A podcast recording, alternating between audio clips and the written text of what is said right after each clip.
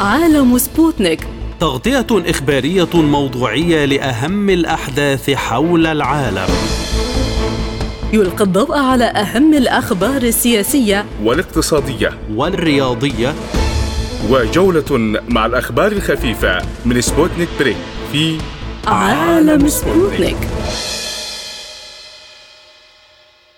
أهلا بكم مستمعينا الكرام في حلقة جديدة من عالم سبوتنيك. معكم في هذه الحلقة عبد الله حميد ونوران عطلة والبداية مع أبرز العناوين.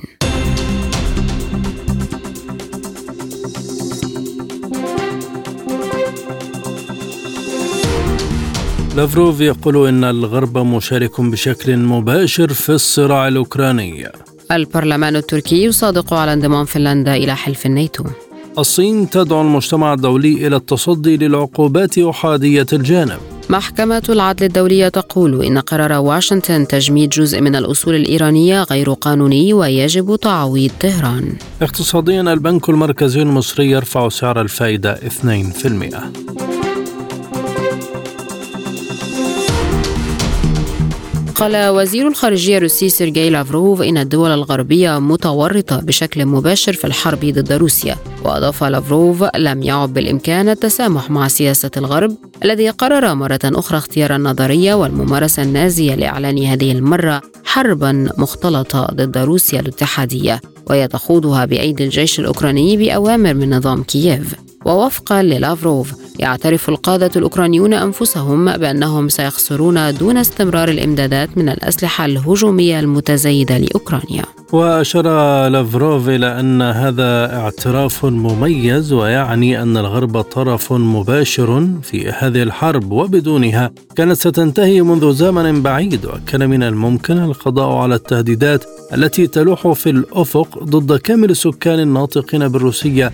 في البلاد التي يطلق عليها أوكرانيا بعد انقلاب 2014 وأضاف لافروف أن الغرب استخدم هذا النظام لخلق تهديدات مباشرة لأمن الاتحاد الروسي على أراضيه بما في ذلك إقامة قواعد عسكرية وبنى تحتية لحلف شمال الأطلسي.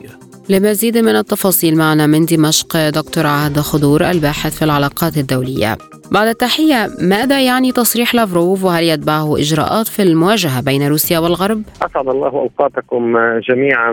طبعا السيد لافروف عندما يقول هذا الكلام فهو يستند إلى معلومات ويستند إلى وقائع من خلال أن أوروبا فعلا هي تساهم بشكل فعال فعال في الحرب على روسيا. عندما تمد أوكرانيا بالأسلحة وعندما تفرض عقوبات على الدولة الروسية وأيضا عندما تمنع الإعلام الروسي من العمل على أراضيها فهذه تعتبر أكبر إدانة للاتحاد الأوروبي أو للغرب الذي يعمل وفقا لمشيئة الولايات المتحدة الأمريكية. السيد لافروف يدرك أن لديه معطيات كبيرة يعني تصريح البريطاني الأخير سيدتي عندما قال أننا مستعدون لإعطاء الجانب الأوكراني قنابل طبعا تحتوي على يورانيوم منظم وغير ذلك. هذا كلام خطير جدا. هم يريدون إشعال حرب عالمية ثالثة. هم يريدون إنهاك روسيا وإنهاك الاقتصاد الروسي. ولكن يبدو أن مجريات الأمور لا تسير كما تريد الغرب والولايات المتحدة الأمريكية، الجانب الروسي طبعا يحقق إنجازات عسكرية كبيرة جدا، باخموت على وشك طبعا أن تتحرر من أيدي النازيين الجدد، الاقتصاد الروسي أنا أعتقد لم يتأثر بهذه الحرب، أيضا من الناحية السياسية آخر استطلاعات الرأي من روسيا تقول بأن شعبية الرئيس فلاديمير بوتين في ازدياد وأن نسبة أكثر من حوالي 78% من الجانب الروسي يعني واثق من عمل وأداء بوتين، اذا الغرب أعتقد أنه يسير في الاتجاه الخاطئ والروسيا الاتحادية تسير في الاتجاه الصحيح، ربما قادم الأيام سينبئ بالمزيد من الانتصارات الروسية التي ستنعكس طبعا بشكل سلبي ليس على أوكرانيا فقط وإنما على كل من يدعم الدولة الأوكرانية وأقصد بذلك الغرب والولايات المتحدة الأمريكية الغرب يراوغ دائما بأنه لا يريد الصدام مع روسيا لكنه يساعد عسكريا من خلال أوكرانيا بالوكالة فكيف يمكن أن يستمر هذا الوضع؟ طبعا هم لا يريدون لروسيا الانتصار في المعركة ولذلك أنهم أعتقد يريدون إطالة أمد المعركة. ولكن في حساب الربح والخسائر سيدتي أنا أعتقد أن الجانب الروسي هو الذي ينتصر لم يتأثر الاقتصاد الروسي ولم ينهار كما كانوا يتوقعون. بالعكس أوروبا الآن في أزمات اقتصادية في إضرابات عمالية في إغلاق للكثير من البنوك والمصارف في عجز اقتصادي كامل. ولكن السؤال الذي يطرح الآن هل تستطيع أو يستطيع الاتحاد الأوروبي أن يوقف هذه الحرب أو يوقف دعم أوكرانيا إلا بموافقة الولايات المتحدة الأمريكية كنا نحن نتأمل أن يكون الاتحاد الأوروبي قراره مستقل أن يكون له قرار سيادي أن يتخذ قراراته وفقا للمصلحة العليا للاتحاد الأوروبي ولكن تبين في النهاية أن هذا الاتحاد للأسف الشديد هو غارق حتى أذنيه في الخضوع لسياسة الولايات المتحدة الأمريكية. لن تستطيع دول أوروبا أن تحقق إنجاز عسكري أو انتصار في المعركة. لا شك أن الجانب الروسي ينتصر وبالتالي اذا ستتحقق كل أهداف العملية العسكرية من خلال تخليص أوكرانيا من النازيين الجدد وإيصال ربما أو الوصول إلى صيغة أساسية تكفل العيش بسلام بين البلدين. لافروف تحدث عن محاولات محو كل ما هو روسي في أوكرانيا بالإضافة إلى خلق تهديدات لروسيا من الأراضي الأوكرانية، فلماذا هذا الهراء من الأساس؟ آه، طبعا آه، سيدتي أنت تعلمين آه، بأن يعني للأسف الشديد عمليات إمداد الاسلحه وغيرها تأتي من قبل الاتحاد الأوروبي وبالتالي عند قطع مصادر التمويل وهذا يعني حق مشروع للدولة الروسية، طبعا روسيا للأمانة يعني ما زالت تتصرف وفقا لمبادئ القانون الدولي الذي يحق للدولة المعتدى عليها أن تدافع عن نفسها، أوروبا وضعت نفسها في مأزق كبير عندما قررت إمداد أوكرانيا بالأسلحة. الأسلحة والعتاد وبالتالي إطالة أمد المعركة والولايات المتحدة الأمريكية. يعني أنا البارحة قرأت تقرير يقول بأن ربما آه، التجديد للسيد بايدن في البيت الأبيض لولاية ثانية يمر عبر الانتصار الأوكراني، اذا هم يعولون على معركة طويلة الأمد من خلال إمدادهم بالسلاح وإمدادهم بالأموال وكل شيء، ولكن من حق الدولة الروسية أن تقطع طرق الإمداد والتمويل وبالتالي أن آه، يعني تقضي على تلك المستودعات التي تحوي الكثير من الذخائر والأسلحة وأعتقد كما قلت لك سيدتي بأن النصر ربما يكون قاب قوسين أو أدنى، هل تستطيع أو يستطيع الاتحاد الأوروبي أن يستمر طويلا في ظل الأزمات الاقتصادية التي يعاني منها؟ هل تستطيع الولايات المتحدة الأمريكية الاستمرار في سياسة آه، دعم أوكرانيا في ظل الخسائر الكبيرة؟ أنا أعتقد لا أعتقد يعني أعتقد أنهم لا يستطيعون أن يستمروا إلى ما لا نهاية. كيف ستكون ردة فعل الغرب تجاه تصريحات لافروف؟ طبعا آه، أنت تعلمين يعني آه، تصريحات الغرب لا يحددون رؤية لافروف حتى يحددون ربما سماع آه، أقواله وبالتالي لن يأخذوها على محمل الجد على الإطلاق، أيضا السيد لافروف فرضوا عليه كثير من العقوبات ومنعوه من دخول مجموعة من الدول في الاتحاد الأوروبي أو حتى في بعض منظمات الأمم المتحدة، السيد لافروف وهو عميد الدبلوماسية الروسية لديه خبرة كبيرة واسعة وهو مطلع على أدق التفاصيل ويعلم ما الذي يفكر به الاتحاد الأوروبي، لذلك أنا أعتقد كل العقوبات الغربية التي يمكن أن تفرض على لافروف وعلى القيادة الروسية وحتى اخرها قرار محكمة الجنايات الدولية باعتقال بوتين، يعني أنا أعتقد أنها قرارات لا تستحق الرد عليها على الإطلاق.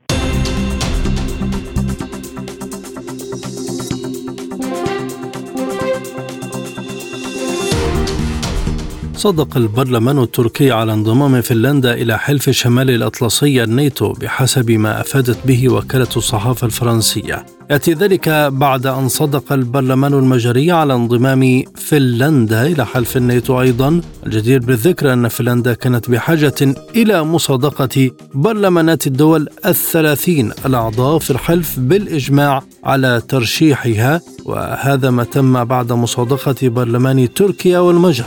وكانت قد تقدمت السويد بالطلب ذاته مع فنلندا إلا أن وضعها يواجه عراقيل خصوصا من أنقرة التي تتهمها بدعم أحزاب كردية تصنفها أنقرة بالإرهابية. وتشترك الدولة الواقعة في شمال أوروبا في حدود مع روسيا يبلغ طولها 1340 كيلومتر وينهي هذا التطور الحياد الذي تبنته فنلندا لعقود حيث يسمح بوجود قوة تابعة لحلف الناتو فيها وهو ما يشكل بؤرة توتر جديدة.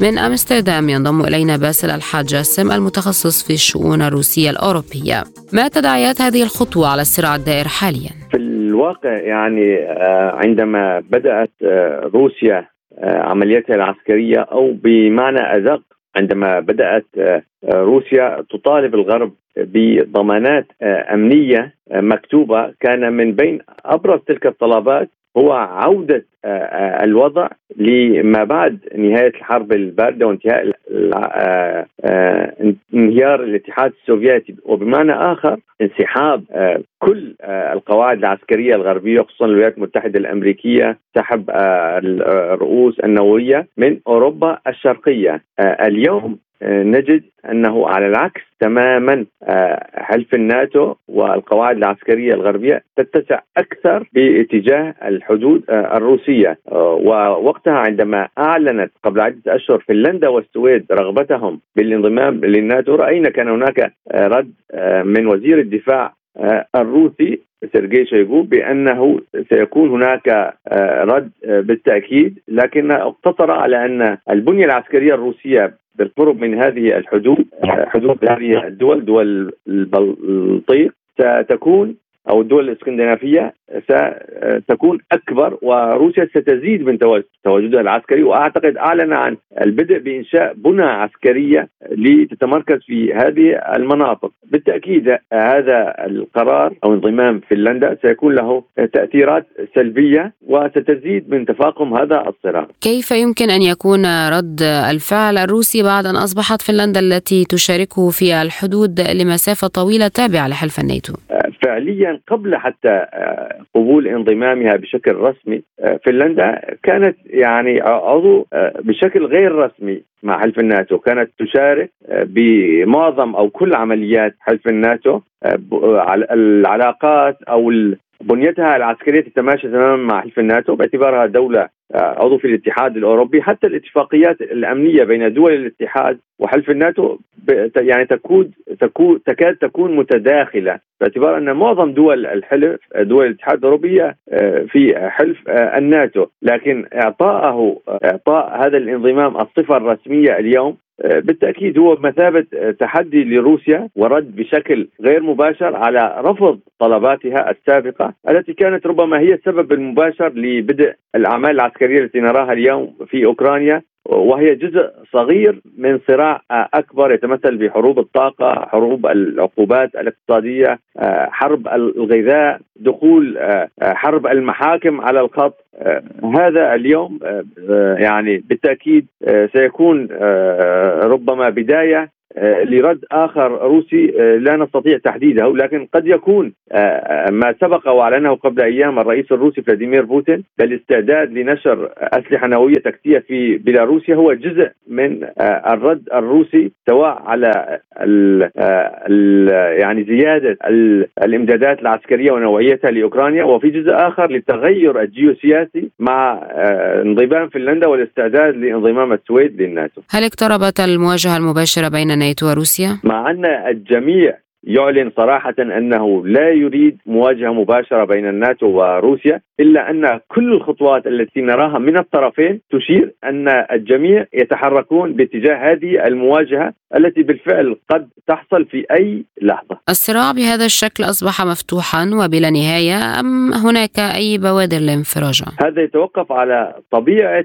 آه، سير المعارك في آه، أوكرانيا هناك حديث عن استعداد لشن هجوم أوكراني معاكس آه، في الربيع أو نهاية فصل الربيع الغرب وأوكرانيا يعولون على يعني قدرة أوكرانيا بإحداث تغييرات في آه، ساحة آه، المعركة أو خارطة آه، السيطرة إذا حصل هذا بالفعل من المستبعد أن نشهد طاولة قريبا لكن إذا لم يتمكنوا قد نجد شيء من بداية مفاوضات خصوصا مع اقتراب موعد الانتخابات الرئاسية الأمريكية هل يتوقع موافقة مماثلة على انضمام السويد أيضا؟ هذا شيء متوقع لكن لا يتوقع أن يحدث في القريب العاجل أو حتى المدى المتوسط. السبب بشكل يعني لا لبس فيه الإعلانات الروسية التركيه الرسمية من اعلى المستويات أن فنلندا استجابت للبيان أو المذكرة التي وقعتها هي والسويد وتركيا للشروط التي وضعتها تركيا وتتعلق بمكافحة التنظيمات الإرهابية التي يصنفها حلف الناتو، السويد لم تستجب لهذه المطالب وهذا بشكل واضح يتعلق بحزب العمال الكردستاني الذي يصنفه ليس فقط تصنفه ك... ليس فقط تركيا تصنفه كمنظمة إرهابية وإنما جميع دول حلف الناتو. لماذا تغير الموقف التركي تجاه انضمام الدولتين؟ بالنسبة لفنلندا بحسب ما يعلنه الأتراك أنها استجابت لكل الشروط الأمنية خصوصا التي وضعتها تركيا سواء فيما يتعلق بمكافحة المنظمات الإرهابية سواء حزب العمال الكردستاني أو منظمة جولن أو وتسليم أعضاء مطلوبين بالنسبة لتركيا أو بخصوص العقوبات التي فرضتها هذه الدول على تركيا بعد عمليات عسكرية في الأراضي السورية ضد هذه المنظمة منظمة حزب العمال الكردستاني التي تحتل اجزاء واسعة من الأراضي السورية بينما السويد قد تكون استجابت لبعض هذه المطالب فيما يتعلق برفع العقوبات على تصدير بعض أنواع الأسلحة لتركيا لكن لم تستجب لتسليم بعض المطلوبين وما زالت يعني تشهد أراضيها نشاطات لهذا الحزب. وكما قلت هذا الحزب ليس فقط مصنف لدى تركيا كمنظمة إرهابية لكن لدى جميع أعضاء حلف الناتو. هذا هو السبب الذي جعل تركيا توافق على فنلندا وتؤخر لا أقول الرفض سيكون نهائي تؤخر وتؤجل موضوع الموافقة على طلب السويد.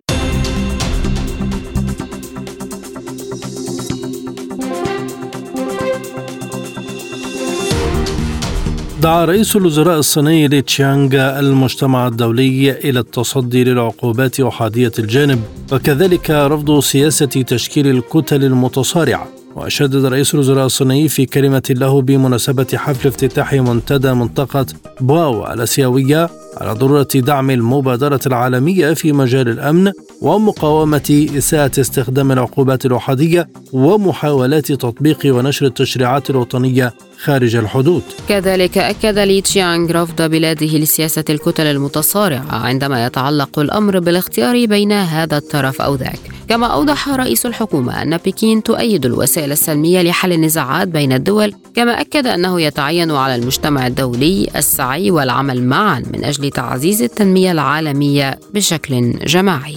من عمان ينضم إلينا الدكتور جمال الشلبي أستاذ العلاقات الدولية. أهلا بك دكتور كيف يمكن التصدي للعقوبات الأحادية التي تقودها الولايات المتحدة ضد أي دولة لا تستجيب لضغوطها؟ يعني هذا المفهوم استخدمته أمريكا كثيرا ضد المعادين لسياساتها واستراتيجياتها سواء في الشرق أو الغرب. وقد طبقته بشكل كامل اولا على العراق اثناء بعد الغزو العراقي للكويت. والآن تطبقه بشكل كامل وصريح وواضح على إيران منذ 2003 وتطبق نفس السياسة على روسيا الاتحادية منذ 2022 وإلى الآن، فهذه السياسة أحادية لا تمثل بشكل أو بآخر الأمم المتحدة أو إرادتها، وهذا شيء مرفوض ليس فقط بالنسبة للصين بل لكل الدول الحرة التي تحاول أن تصنع توازن على مستوى النظام الدولي. هناك الكثير من الدول تتخوف من ردود أفعال الولايات المتحدة، فكيف يمكن إنهاء ذلك وعدم تنفيذ العقوبات؟ يعني هذه العقوبات جائرة وغير منطقية وغير قانونية لأنها لا لا لا تندرج في إطار ما يسمى الأمم المتحدة ومجلس الأمن، هذه قرارات تمثل الولايات المتحدة الأمريكية، عندما ذهبت أمريكا لاحتلال العراق لأسباب واهية فيما يتعلق بوجود أسلحة دمار شامل أو التعاون مع القاعدة ذهبت دون أي دعم أو دون أي قرار دولي.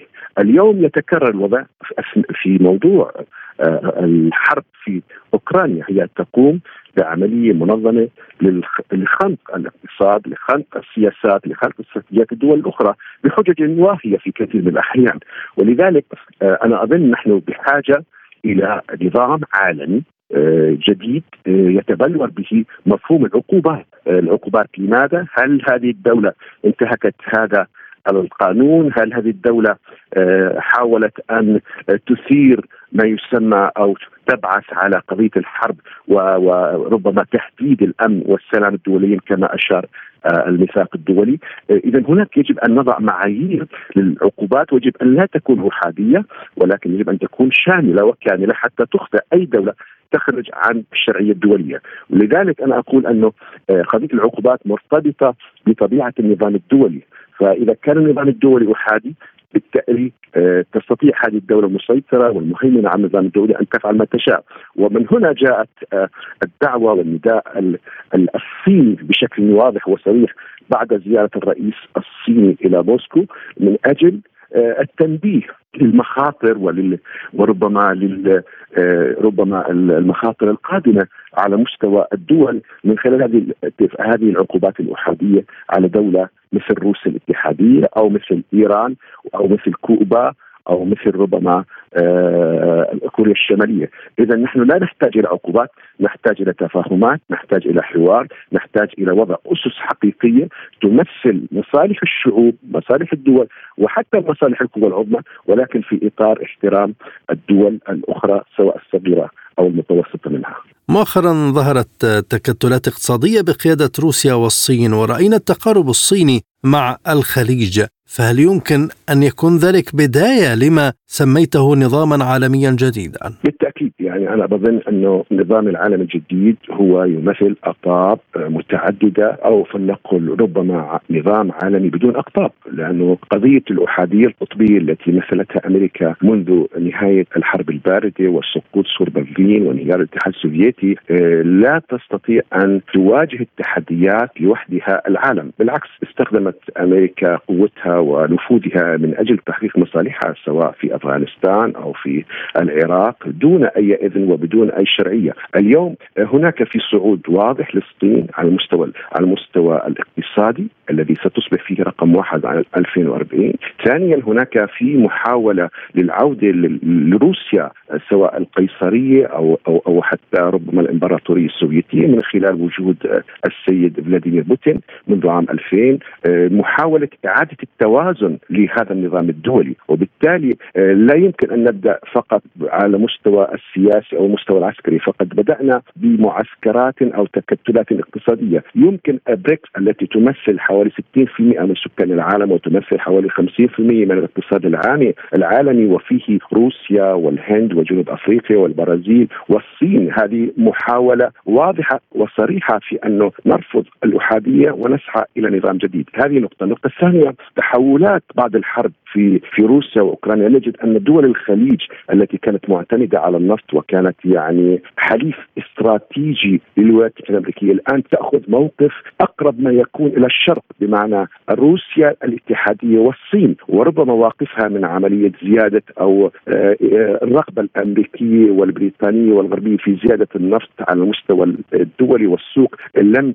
لم تنفع آه، رغم كل المحاولات. فهذا يدل على أن الدول الخليج بدأت تعرف مصالحها أصبح هناك نضوج سياسي ولذلك الآن المصالح هي الأساس. آه، رفضت المواقف البترولية التي طالبت فيها الغرب. ثانيا دعت السعودية التي تمثل القوة الأعظم والقوة الأكبر في الخليج إلى شراكة مباشرة مع الصين عندما آه، قامت ما يسمى القمة الخليجية العربية السعودية الثلاثية. وهذا يدل على أنه المواقف السعودية والخليجيه بدأت تتجه نحو هذا العالم الجديد الذي يتشكل ولا ننسى أيضا أن الموقف الصيني من الاتفاق السعودي الإيراني. يدل أيضا أن الخليج بدأ يرحب بدول أخرى غير تقليدية بمعنى آخر لا فرنسا ولا بريطانيا ولا أمريكا أن تلعب دور في الشؤون الشرق الأوسطية، وهذا كله يشي ويعطي الانطباع بأن العالم يسير نحو تشكل نظام عالمي جديد متعدد الأقطاب أو حتى بدون ولكن بالتأكيد أن الصين على رأسه وروسيا على رأسه وربما البرازيل والهند وأيضا ربما الدول العربية التي بدأت تدخل في صميم عمل التكتلات الاقتصادية الجزائر مدعوة إلى البريكس. آه، أيضا السعودية وأيضا مصر. ولا ننسى أنه في الأمس كان هناك يعني خبر مهم ومثير يؤكد على توجه دول الخليج بقيادة السعودية إلى الانفتاح على الشرق الصيني والروسي هو ضم السعودية إلى منظمة شنغهاي الاقتصادية، فهذا يدل فعلا في تحول من حيث الشكل هو اقتصادي ولكن أعتقد على الأمد المتوسط البعيد سيشكل قوة سياسية، قوة عسكرية ربما تواجه القطب الأوحد الأمريكي الذي كان سائدا منذ تسعينات القرن الماضي وإلى الآن. المنظمة الأممية ألا يعول عليها في تقنين تلك العقوبات أو التخفيف منها خاصة أنها غير قانونية؟ الأمم المتحدة هي يعني منظمة تنسيق لمواقف الدول الكبرى ولم تكن بيوم من الأيام هي صاحبة القرار ربما في قضايا المتعلقة بالدول الصغرى والوسطى نعم ولكن فيما يتعلق بالصراعات والتنافس وربما آه التنافس الكبير على قيادة العالم والتأثير به ليس لها دور وربما هذه التشكيلات الاقتصادية group group السبعة السبعة و group العشرين والبريكس وشنغهاي تدل على أن العالم والدول الكبرى تريد أن تفرغ آه، الأمم المتحدة من دورها الحقيقي في آه، العمل على تنسيق المواقف على المستوى العالمي وعلى مستوى السياسي والاقتصادي. وبالتالي أعتقد أن الأمم المتحدة بعد فترة ربما تفقد تفقد دورها وتفقد آه، تأثيرها وتفقد فاعليتها ومن ثم القوة ستصبح في هذه التكتلات الاقتصادية والدبلوماسية التي تتشكل من خارج رحمها.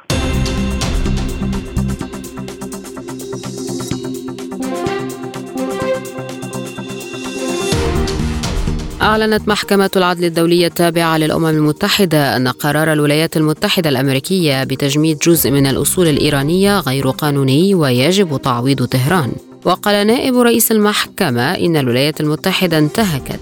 التزاماتها بموجب المادة الثلاثة الفقرة واحد من معاهدة الصداقة والعلاقات الاقتصادية والحقوق القنصلية بين الولايات المتحدة وإيران لعام 1955 ووفقا لقرار المحكمة انتهكت الولايات المتحدة أيضا عددا من بنود المعاهدة الأخرى وتابع نائب رئيس المحكمة أن الولايات المتحدة ملزمة بدفع تعويضات لإيران عن عواقب وانتهاكات الالتزامات الدولية. من جانبها قالت الخارجية الإيرانية في بيان إن حكم محكمة العدل الدولية الصادر يعد وثيقة أخرى حول شرعية مواقف إيران والتعبير عن السلوك غير المشروع للحكومة الأمريكية. هذا وتخوض إيران والولايات المتحدة مفاوضات غير مباشرة عبر وساطة دولة ثالثة خلال الأسابيع الأخيرة للتفاوض على تبادل سجناء ورفع التجميد عن موارد مالية إيرانية بالنقد الأجنبي.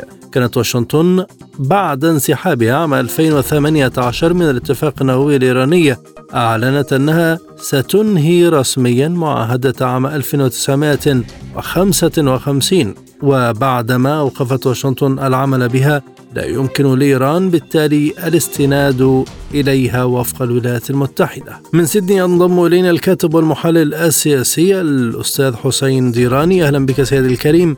هل تلتزم واشنطن وتنفذ قرار المحكمة وتقوم بتعويض إيران؟ أولا تحياتي لكم وللمستمعين الكرام.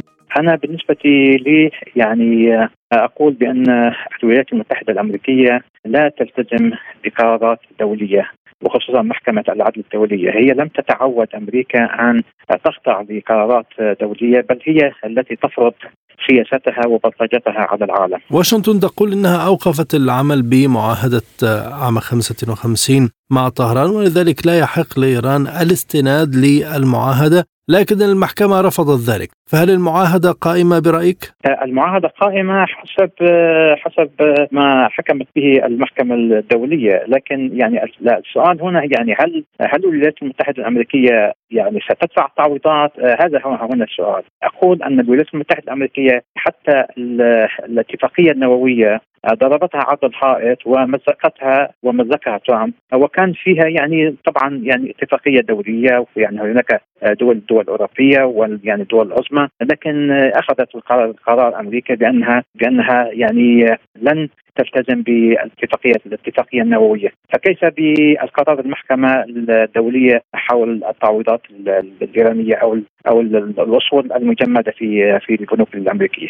يعني عودتنا أمريكا بأنها لا تلتزم بأي قرارات دولية إن كان على صعيد على صعيد فلسطين على صعيد على صعيد أي أي قضية على في في وطننا العربي والإسلامي أو في في في دول العالم تضرب دائما بعرض الحائط كل القرارات المحاكم الدولية. اذا كيف تتصرف إيران وما هي إجراءاتها القادمة فيما يتعلق بهذا الملف؟ الجمهورية الإسلامية طبعا يعني يعتبر هذا يعني انتصار دولي يعني أخذت هذا الحكم لكن سيكون بيدها مادة قوية أمام يعني أمام الدول بأنها بأن القرار صدر من محكمة العدل الدولية. فيعتبر ذلك انتصار للجمهورية الإسلامية، لكن يعني كيف ستحصل كيف ستحصل على الأموال؟ هذا يعود إلى السلوك الأمريكي. على هذا يعود إلى السلوك الأمريكي. هو الآن يعني أعتقد بأن أمريكا يعني عندها مشاكل كبيرة في خصوصا قادمة على انتخابات رئاسية وهناك محاكمه يعني محاكمة لرئيس ترامب السابق فهناك مشاكل سياسية كبيرة. وقد في حال في حال اعيد الاتفاق النووي فيكون هذا جزء من من المطالبة إضافة إلى إضافة إلى الشروط الاتفاق النووي. بعد القرار هل تتراجع واشنطن في الفترة المقبلة عن نظرتها ضد إيران وتهدأ التوترات بينهما؟ الآن نحن نشهد الساحة الدولية يعني التقارب أو التفاهم الذي تم بين الجمهورية الإسلامية الإيرانية والسعوديه السعوديه الدول الخليج. هناك يعني انفراج في العلاقات فهذا يعني يمكن أن يحفز أمريكا طبعا يعني هناك احتمال احتمال بسيط جدا أو احتمال ضعيف جدا بأن تلجأ إلى هذا يعني تلجأ إلى أن تتنازل أو تنزل قليلا عن الشجرة ويعني تدفع يعني تدفع تلك التعويضات أو تسلك السلوك سلوك يعني هادئ أو سلوك غير المعتاد غير غير المتغطرس الذي تعودنا عليه. توجد مفاوضات غير مباشرة بين إيران والولايات المتحدة حول تجميد الأصول الإيرانية وتبادل السجناء، فليؤثر ذلك الحكم بالسلب أم بالإيجاب على هذه المفاوضات؟ ممكن أن تكون الولايات المتحدة الأمريكية تلعب يعني تلعب هذه اللعبة أو ترفض هذا القرار لتضيف مادة إلى آه إلى المفاوضات الغير مباشرة بالنسبة إلى تبادل السجناء، كذلك الافراج عن الأصول الإيرانية. فيمكن يمكن لعبة سياسية أو ممكن أن تستخدم هذا هذه المادة أو هذا الأسلوب لتقوي من من من المفاوضات حول حول تبادل السجناء. في النهاية يعني أعتقد بأن أمريكا سوف تخضع لهذا القرار وتصرف الأموال حتى تستعيد السجناء يعني صفقه السجناء المتبادله.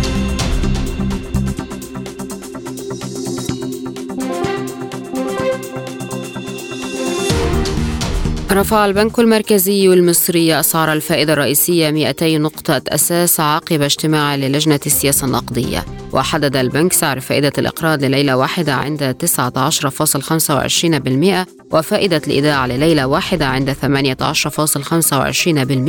وقال البنك المركزي في بيانه إن التطورات الأخيرة للتضخم أظهرت ارتفاعا واسع النطاق في بنود الأرقام القياسية لأسعار المستهلكين. وهو ما يتطلب المزيد من التقييد النقدي ليس فقط لاحتواء الضغوط التضخمية من جانب الطلب ولكن أيضا لتجنب الآثار الثانوية التي قد تنتج عن صدمات العرض وذلك للسيطرة على التوقعات التضخمية للأسعار. وتشهد مصر موجة تضخم مرتفعة مع زيادة أسعار واردات الطاقة والغذاء وانخفاض الجنيه المصري بأكثر من نصف قيمته بعد تعويمه ثلاث مرات في نحو عام. وبلغ معدل التضخم السنوي في المدن المصرية في فبراير الماضي 31.9%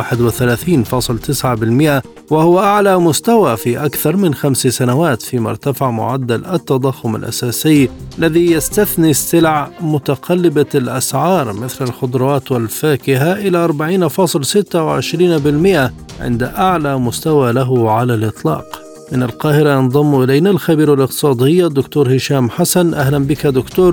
هل كان ذلك متوقعا من البنك المركزي المصري؟ في الحقيقة آه يعني أنا الكلام ده متوقع وقد يكون متأخر قليلا ولكن البنك المركزي بيحاول يفضل طول الوقت يعني متخذ عصاية متخذ نظرية ماسك العصا من النص. يعني إن أنا طول الوقت مش عايز أتعجل بعمليات رفع الفايدة وفي نفس اللحظة بيحاول نشوف عمليات التضخم المستورد من الخارج. فبالتالي فكرة رفع الفايدة كان لا محيص منها خاصة بعد ارتفاع معدلات التضخم لمستويات 40% آه بالتالي لازم أنا منتظر بقى نبتدي الفترة اللي جاية أو خلال الأسبوع القادم من يوم الأحد هتلاقي غالبا البنوك الرئيسية مثل بنك مصر الأهلي القاهرة إلى آخره من البنوك الحكومية هتبتدي في إصدار شهادات مرة أخرى محاولة من الحكومة في عمل السيطره على عمليات التضخم والقوى الشرائية بشكل ما أو آخر أو إن هي تقدر تلم كاش محلي فتقدر تسيطر على المعروض من الكاش المحلي. هتفضل العملية دي في الحياة موجودة كده طالما عندنا في جزء منه خارجي تاثرا بالسلع العالمية أو في حالة عدم اليقين الخارجي مما سوف قد يحدث بالتوترات الجيوسياسية ما بين روسيا واوكرانيا وتدخل أمريكي إلى آخره من الأحداث السياسية العالمية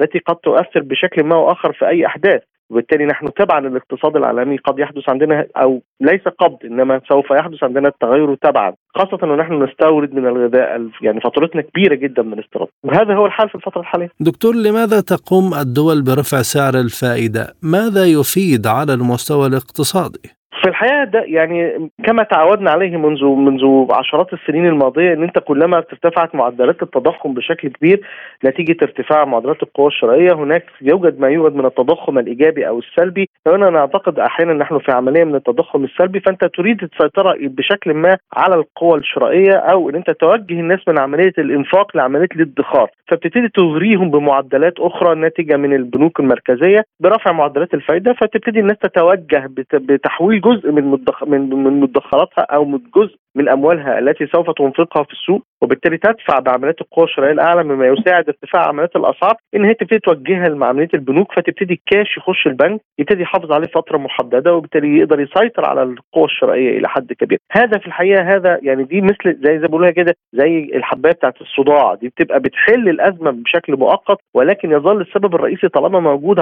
هترجع مرة ثانية هيرجع الصداع مرة ثانية فبالتالي هذا هذه الحلول بتنفع في في الحاجات يعني في الأوقات الطبيعية. إنما نحن حاليا نواجه العالم كله يواجه مشاكل عدت مرحلة الأزمات واقتربنا من مرحلة ترك الأزمة إلى التوجه إلى الكوارث. فبالتالي أنت لا تعلم ماذا سوف يحدث غدا غدا. في الحقيقة مش غدا أنت لا تعلم ماذا سوف يحدث كمان ساعة. خاصة كلما ارتفعت معدلات التوترات الجيوسياسية اللي موجودة عالميا أنت بتشوف توترات كل شوية بتحصل بتأثر بالشكل الاقتصادي. لو ارتفعت عمليات الغذاء مرة أخرى لو حصل أي مشاكل في سلاسل الإمداد ال supply chain على مستوى العالم أنا أعتقد ده مرة ثانية هيعمل فجوة أو قفزة سعرية عالميا في الاسعار إذا هذا حدث لا محيص إن الأسعار العالمية كلها ترتفع ده معناه إنه مرة ثانية الفواتير بتاعت الاستيراد بتاعتك لأي دولة ايا كانت سواء تصنيع محلي أو أنت بتستوردها من بره هترتفع. هذه الارتفاعات هتخلي في ناس عندها نوع من أنواع التخوف مما يدفعهم لمزيد من الشراء للادخار للمستقبل. ما انت أنت خايف. فطالما خفت هتبتدي تدخر المستقبل مما يدفع عندك غريزة البقاء. فبالتالي ده أوتوماتيك هيدفع عندك قوة شرائية. وتخش بقى في الديلاما دي. الدول بتتدخل في الحالات الطبيعية إن هي ترفع لك معدلات الفايدة فتهدي عندك القوة الشرائية عبال ما تعرف تتصرف من حالة ثانية إنما إذا حدث مؤثر خارجي قوي زي ما بيحصل دلوقتي وأنت ما أنتش عارف أبعاده شكلها إيه في الحقيقة أنا أعتقد إن ده هيبقى تأثيره سلبي أكتر منه إيجابي. يعني أنت دلوقتي لازم تحل بشكل مختلف لازم تحتوي الأزمة مش تدي عرض مش تدي حباية صداع. أنت لازم تحل الأزمة مباشرة تحل المشكلة مباشرة. ولكن أطراف المشكلة عالمية وأنت لا تعلم الحدود لها في الحقيقة. اذا ما تبعات هذه الخطوة وأثرها على المدى القريب والبعيد في مصر؟ ارتفاع التضخم أنا أعتقد إن إحنا في الفترة الحالية لما جينا رفعنا الفائده أنت بتجري ورا التضخم دلوقتي. فكلما ارتفع التضخم أنت وصلت لغاية 40% في الحقيقة حتى ال 2% اللي رفعهم هم لا يغني. فأنت لو جيت حطيت فلوسك في البنك فأنت عندك في خسارة لمعدلات الفائده الحقيقية في عندك خسارة. فبالتالي أنت هتعمل إيه؟ أنت لسه بقى هنشوف الشهادات اللي هتدي يصدرها عاملة إزاي. طيب أنت أنت افترضت في الفترة الحالية إنه هنبقى موجودين على هذا الوضع. ولكن حضرتك لو جينا رجعنا للقرار بنك مركزي الذي صدر بالأمس هتلاقي حضرتك كلمة مهمة جدا جملة قالها في الحقيقة تديك مؤشرات يعني ريد فلاجز كتير أو أعلام حمراء كثيرة جدا منها إنه إحنا في مرحلة عدم اليقين بما سوف يحدث. فبالتالي إحنا تصرفنا على ما هو موجود حاليا. إنما لو حصل لو حصل أي تداعيات سلبية عالمية أثرت على فاتورة الاستيراد عندنا وإنت أصلا كده كده عندك أزمة داخلية في وجود الدولار. فبالتالي مرة ثانية في عندك أزمة هتزيد معدلات الطلب انت كده كده بتحاول توفر الدولار للسلع الأساسية مثل الغذاء والدواء إلى آخره من الحاجات اللي انت عايز توفرها فيبقى في عندك جزء كبير جدا هتتجه ليه نحو الكساد. ان هيبقى في عندك تباطؤ في بعض المجالات الأخرى وهنا الدولة في الحقيقة هتبقى بين كفاي راحة يعني تمشي في الاتجاه ده ولا تمشي في الاتجاه ده. إيه إيه اللي هيحل؟ إحنا بتحاول تحل على ما وهو موجود حاليا مع فرضية ثبات الأداء العالمي. إنما لو تطور نحو السلب في الحقيقة أنت ما حدش فينا هيقدر يقدر يتوقع خاصة وإن أنت عندك جزء كبير جدا منه استيراد هتضطر مرة ثانية بقى تعمل عمليات تشددية إن أنت تقفل الاستيراد للسلع كثيرة جدا هتلجأ لتنشيط الاقتصاد الداخلي. وأعتقد إن ده إحدى الحلول الإيجابية إن أنت بدل ما تبتدي ترفع فايدة تدفع الناس نحو التدا... إن العمل الداخلي إنه تلجأ للسلع المحلية. وفي نفس اللحظة أول ما هتيجي تقول السلع المحلية هتلاقي التجار تبتدي ترفع الأسعار. لا أنت عندك خطين تمشي فيهم. الخط الأولاني تبتدي تتجه للسلع المحلية. النقطة الثانية تسيطر على الحركة في السوق بحيث إن الم...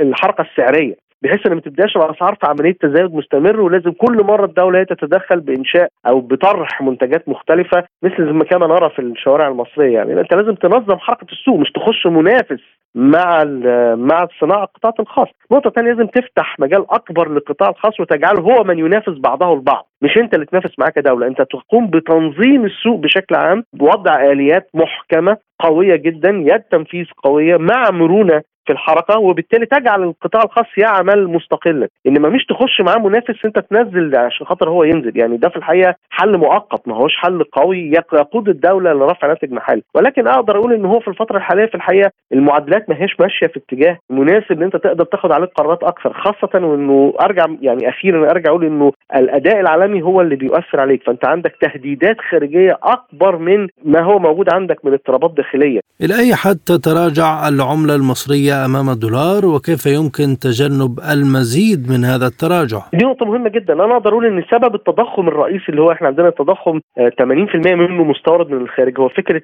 الطلب العالي جدا على الدولار، إحنا كان مصر عندنا بعد ما ارتفع معدل الاحتياط الاستراتيجي بشكل ملحوظ بعد ما عملية اتفاقنا مع صندوق النقد الدولي، في الحقيقة توالت الخبطات السريعة جدا وكانت عنيفة، يعني أولها كان موضوع كورونا في الحقيقة ده عمل إغلاق بشكل كبير جدا عالميا، الخروج الأموال الأجنبية خرجت بشكل ملحوظ وده انعكس واضح جدا في سواء الخروج من الأموال الساخنة من السندات اللي كانت موجودة رقم اثنين البورصة اللي هي موجودة إلى الآن خروج مستمر مستمر ومتوالي وبشكل ملحوظ من المؤسسات الأجنبية مقابل شراء المؤسسات المصرية. في الحقيقة كل ده أدى إلى تراجع العملة الصعبة عندك. طيب مع موجود مطلوب طبيعي لأن أنت عندك عمليات استيراد ضيف عليها ارتفاع الأسعار العالمية أدى عندك لفجوة كبيرة جدا ما بين الداخل للعملة الصعبة والمطلوب من العملة الصعبة. اذا على طول أوتوماتيك يخلق عندك سوق سوداء نتيجة أنت مش قادر توفر العملة بالسعر الطبيعي بتاعها ترتفع الأسعار في السوق السوداء. يظل الدولار موجود ولكن تسعيره هو اللي فيه غلط. أنت ما عندكش أزمة دولار أنت عندك أزمة تسعير دولار لأن الدولار موجود. أنت أول ما تيجي تقول أنا عايز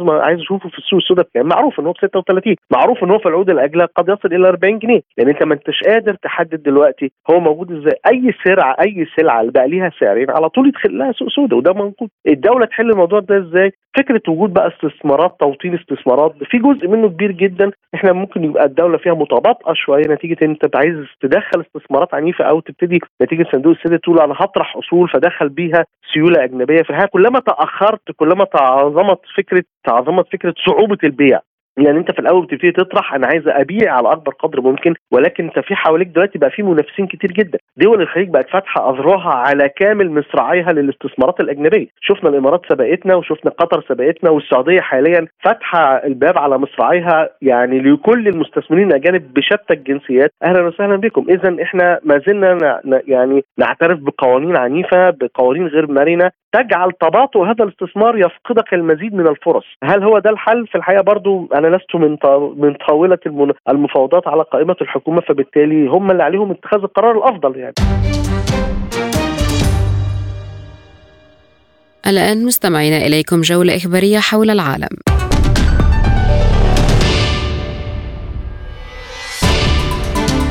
أعلن الرئيس البيلاروسي ألكسندر لوكاشينكو أن هناك حربا عالمية ثالثة وحرائق نووية تلوح في الأفق. والمفاوضات ضرورية دون شروط مسبقة. وجاءت تصريحات الرئيس لوكاشينكو خلال خطاب أمام الشعب والبرلمان وأشار إلى أنه سيقدم اقتراحا بوقف الأعمال العدائية ومحاولة إعلان هدنة دون الحق في نقل وإعادة تجميع القوات من كلا الجانبين دون الحق في نقل الأسلحة الذخيرة والمعدات العسكرية.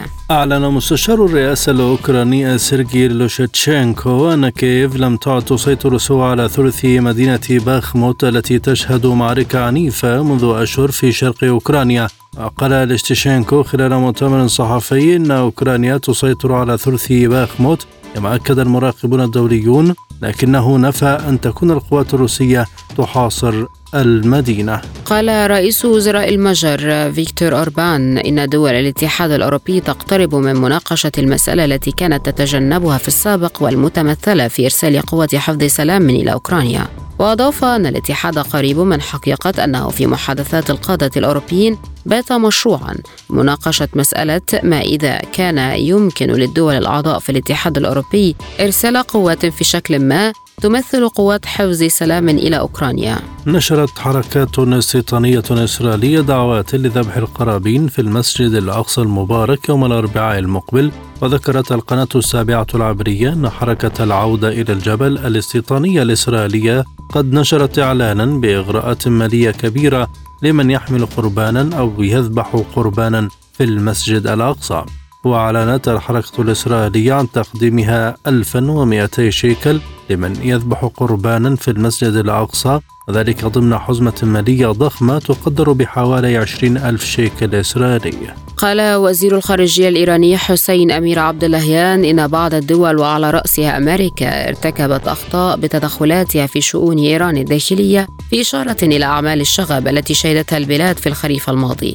ونقلت وكالة إيرنا عن عبد اللهيان أن إيران في مرحلة يمكن فيها التوصل إلى اتفاق في المفاوضات النووية وتلخيص الاتفاقية بشرط أن يكون الجانب الأمريكي واقعيا. وأضاف الوزير الإيراني أن مقترحا بدأ يتبلور في البرلمان الإيراني يقوم على أن المفاوضات لا يجب أن تستمر إلى الأبد.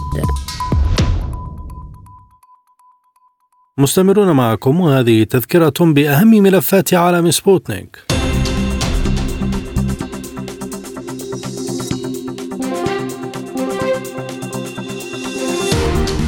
لافروف يقول إن الغرب مشارك بشكل مباشر في الصراع الأوكراني. البرلمان التركي يصادق على انضمام فنلندا إلى حلف الناتو. الصين تدعو المجتمع الدولي إلى التصدي للعقوبات أحادية الجانب. محكمة العدل الدولية تقول إن قرار واشنطن تجميد جزء من الأصول الإيرانية غير قانوني ويجب تعويض طهران. اقتصاديا البنك المركزي المصري يرفع سعر الفائدة 2% الآن مع أخبار الاقتصاد والزميل خالد عبد الجبار.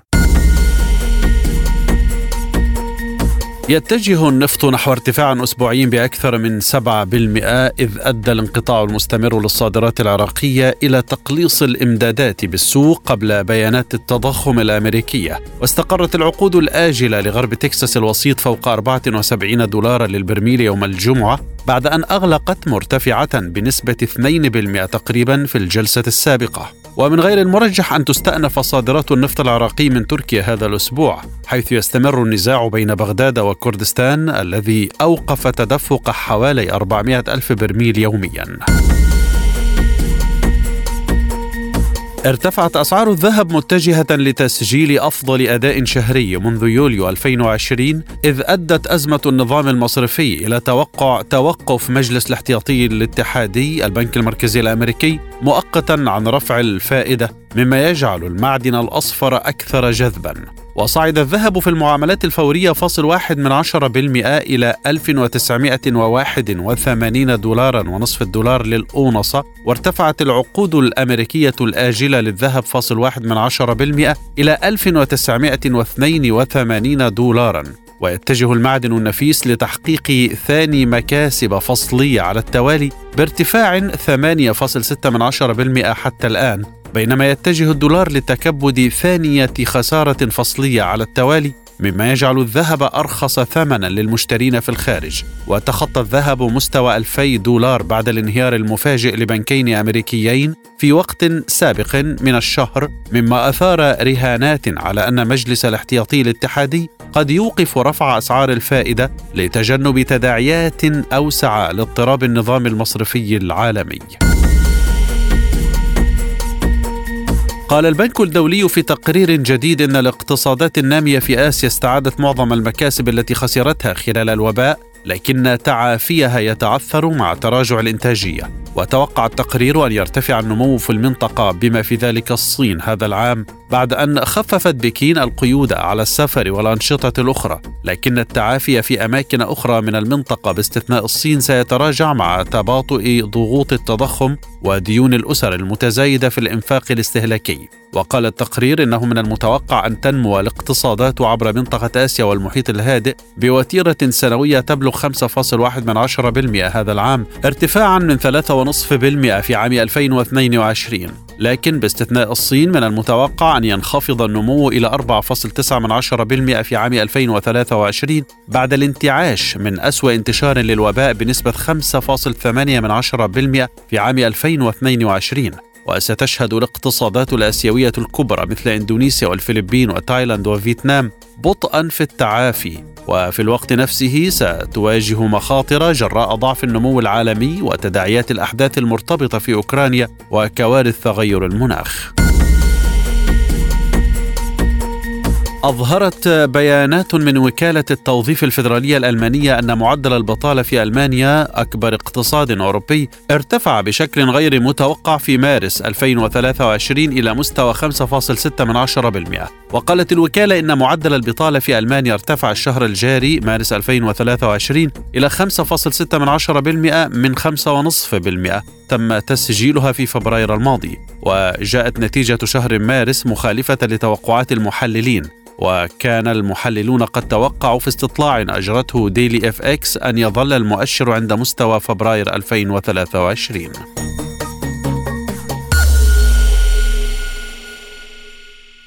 وما زلنا مع خالد عبد الجبار وأخبار الرياضة. رفع مشجعون سويسريون العشرات من الأعلام الفلسطينية خلال مباراة منتخب بلادهم ضد إسرائيل في التصفيات المؤهلة لكأس أوروبا لكرة القدم يورو 2024 وحقق منتخب سويسرا فوزه الثاني في التصفيات بالفوز 3-0 على إسرائيل في المباراة التي جرت على ملعب جنيف ضمن الجولة الثانية من مباريات المجموعة التاسعة من تصفيات اليورو. وانتشرت على مواقع التواصل الاجتماعي عشرات الصور ومقاطع الفيديو للجماهير السويسرية وهي ترفع العلم الفلسطيني وبعض اللافتات المنددة بالاحتلال وسياسة الفصل العنصري على مدرجات الملعب. وأظهر أحد مقاطع الفيديو رفع عشرات المشجعين الأعلام الفلسطينية وهم يتفاعلون على صوت موسيقى داخل الملعب فيما يبدو أنها رفعت في وجه اللاعبين الإسرائيليين. كشفت وسائل إعلام إسبانية تفاصيل العرض المقدم من إدارة برشلونة لاستعادة الأرجنتيني ليونيل ميسي أسطورة النادي الكتالوني ولاعب باريس سان جيرمان الحالي. وقال برنامج تشيرنيجيتو الإسباني الشهير إن برشلونة عرض على ميسي عقدا لمدة موسم بالإضافة لموسم آخر اختياري. وينتهي عقد ميسي مع النادي الباريسي نهاية الموسم الحالي ولم يحسم موقفه من التجديد حتى الآن مع نادي العاصمة الفرنسية. وأضاف البرنامج أن راتب ميسي مع برشلونة سيتراوح ما بين 6 إلى 7 ملايين يورو إلى جانب حصوله على نسبة من الأموال التي سيجلبها من التسويق. ورحل النجم الأرجنتيني بطل العالم الذي قضى معظم مسيرته بقميص البلوغرانا في صيف 2021 لينضم إلى باريس سان جيرمان الفرنسي بعقد لمدة عامين بعدما فشل البارسا في تجديد عقده بسبب أزمته المالية. اختار الحساب الرسمي للدوري الإنجليزي الممتاز هدف الفوز الذي سجله النجم المصري محمد صلاح جناح ليفربول ضد مانشستر سيتي في شهر أكتوبر الماضي ضمن أفضل أهداف النسخة الحالية للبطولة. واختار الدوري الإنجليزي هدف محمد صلاح الأفضل لنادي ليفربول خلال الموسم الحالي بعدما منح الحارس البرازيلي أليسون بيكر كرة طولية للنجم المصري راوغ بها جواو كانسيلو وانفرد بالمرمى وسددها بسهولة محرزا هدف الفوز. وعلق الحساب الرسمي للدوري الإنجليزي على موقع تويتر قائلا ما هو أفضل هدف سجله ناديك هذا الموسم؟ مصحوبا بفيديو لأجمل هدف لكل فريق من فرق ال Premier League. أعلن الدكتور سعد شلبي المدير التنفيذي للنادي الأهلي توفير 2400 تذكرة لجماهير الهلال السوداني في المباراة المرتقبة التي تقام مساء السبت المقبل باستاد القاهرة في الجولة الأخيرة لمرحلة المجموعات بدوري أبطال إفريقيا. وأشار شلبي إلى أن الأهلي استجاب لمطالب الاتحاد الإفريقي لكرة القدم الكاف بتوفير 2400 تذكرة لمشجعي الهلال وفقا للوائح وأوضح أنه سيتم توزيع 100 دعوة مجانية لبعثة الهلال السوداني وسيتم تسليمها في الاجتماع الفني للمباراة. ويواجه الأهلي المصري الهلال السوداني في مباراة مصيرية للتأهل من مرحلة المجموعات حيث يحتاج الأهلي للفوز بينما يحتاج الهلال للتعادل فقط بأي نتيجة.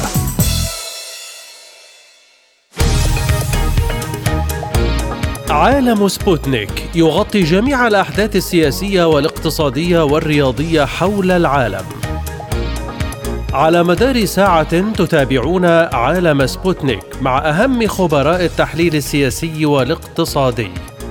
نقترب معكم في متابعة دقيقة من القضايا السياسية والاقتصادية، كما نستعرض أهم الأخبار الرياضية والفنية والبيئية. انتظروا عالم سبوتنيك أيام الجمعة والسبت والأحد من كل أسبوع. ملفات ساخنة برنامج يسلط الضوء على أهم القضايا الحرجة في العالم. في ملفات ساخنة نستعرض القضايا مع جميع الأطراف ومن كل الزوايا لاستجلاء الحقيقة. ملفات ساخنة يستضيف أهم الخبراء وأجرأ الضيوف. تابعوا ملفات ساخنة مع راديو سبوتنيك أيام السبت والثلاثاء والخميس من كل أسبوع. سبوتنيك break والأخبار الخفيفة أكد المتحدث باسم الأمم المتحدة ستيفن دوغاريك أن الأمين العام للأمم المتحدة أنطونيو غوتيريش قال إن برنامج المحادثة الذي يعمل بتقنية الذكاء الاصطناعي ChatGPT مقلق وحث الشركات على التصرف بمسؤولية. وقال دوغاريك يمكن أن يكون لتكنولوجيا الذكاء الاصطناعي كميات هائلة من الفوائد في التعليم والعلوم لكن يتعين على الشركات أن تكون مسؤولة عن كيفية نشر المعلومات موضحا أن المعلومات من الممكن أن يساء استخدامها. تأتي تصريحات المتحدث باسم الأمم المتحدة بعد أن تم في الخامس والعشرين من مارس أذار الجاري اختراق بيانات المستخدم الشخصية ل ChatGPT وهو روبوت محادثة يعمل بالذكاء الاصطناعي بسبب خطأ اكتشفته شركته المطورة OpenAI في وقت لاحق. وفي المجموع تأثر نحو 1.2% من, من مشتركي ChatGPT بتسريب البيانات حسب ما قالت الشركة مضيفة أن الرقم منخفض للغاية. توقعت مؤسسة جولدمان ساكس أن تتسبب أنظمة الذكاء الاصطناعي مثل منصة ChatGPT في إحداث تأثير جذري على سوق العمل. قد يمتد إلى حوالي 300 مليون وظيفة بدوام كامل عالميا. وبحسب تقرير المؤسسة فإن باحثيها استنبطوا احتمالية تأثر ملايين الموظفين حول العالم بتحول قطاع الأعمال نحو الاعتماد على أنظمة الذكاء الاصطناعي التوليدي لإنجاز ملايين المهام الوظيفية مما سيحد من ضرورة الاعتماد على البشر لإنجازها. واعتمد الباحثون في تقريرهم على تحليل البيانات المهنية الخاصة بالموظفين في الولايات المتحدة وأوروبا. ووضعت الدراسة المهام الإدارية والقانونية على قمة الوظائف الأكثر تأثرا بثورة الذكاء الاصطناعي إذ إن الأعمال القانونية تعد من المهام التي يسهل إنجازها أوتوماتيكيا. أعلن معهد إدوارد سعيد الوطني للموسيقى عن إطلاق جائزة ريم بنا للإنتاج الموسيقي وذلك تكريما للفنانة الفلسطينية الراحلة التي كرست صوتها للقضية الفلسطينية وغنت للعدالة في فلسطين والعالم بحسب البيان الذي نشر على موقع المعهد. وجاء الإعلان عن الجائزة في ذكرى رحيل الفنانة كما سيتم الإعلان عن الفائزين في الجائزة في يوم ميلادها في الثامن من يناير من كل عام. وأوضح سهيل الخوري المدير العام للمعهد أن الجائزة تهدف إلى تشجيع إنتاج أغاني جديدة تحاكي القضية الفلسطينية أو قضايا إنسانية عالمية تؤثر في الرأي العام العربي والعالمي وتدعوه للاهتمام بالقضية العادلة في فلسطين وقضايا العدالة السياسية والاجتماعية. وأعلن أن الجائزة ستمنح سنويا لمؤلفين موسيقيين أو مغنين يتقدمون لإنتاج أعمال أصلية جديدة على شكل فيديو كليب. والترويج لها محليا وعالميا. توصل تحليل حديث شمل أكثر من دراسة أن الالتزام بحمية البحر الأبيض المتوسط قد تقلل من مخاطر الإصابة بأمراض القلب والأوعية الدموية والوفاة لدى النساء بنسبة 25% تقريبا وشملت الدراسات التي أجريت في الولايات المتحدة وأوروبا أكثر من 700 ألف امرأة تتراوح أعمارهن ما بين الثامنة عشر فما فوق حيث تمت مراقبة صحتهن القلبية لمدة 12 عاما في المتوسط. يشار إلى أن أمراض القلب السبب الأول لوفاة النساء والرجال في أنحاء العالم وفقا لإحصاءات منظمة الصحة العالمية. وأكدت الدراسة الجديدة أن حمية البحر الأبيض المتوسط المعروفة بفوائدها لصحة القلب والأوعية الدموية أنها مفيدة للنساء بذات القدر المعروف لفائدتها للرجال. وأوضحت الدراسة أنه مهما كان جنسك فإن أسلوب الحياة الصحي الذي يتضمن نظاما غذائيا متوازنا يمكن أن يساعدك على تقليل مخاطر الإصابة بأمراض القلب وعوامل الخطر المرتبطة بها. وفي الختام إليكم تذكرة بأهم ما جاء في عالم سبوتنيك هذا اليوم. لافروف يقول إن الغرب مشارك بشكل مباشر في الصراع الأوكراني. البرلمان التركي يصادق على انضمام فنلندا إلى حلف الناتو. للمزيد زوروا موقعنا سبوتنيك dot ae إلى اللقاء.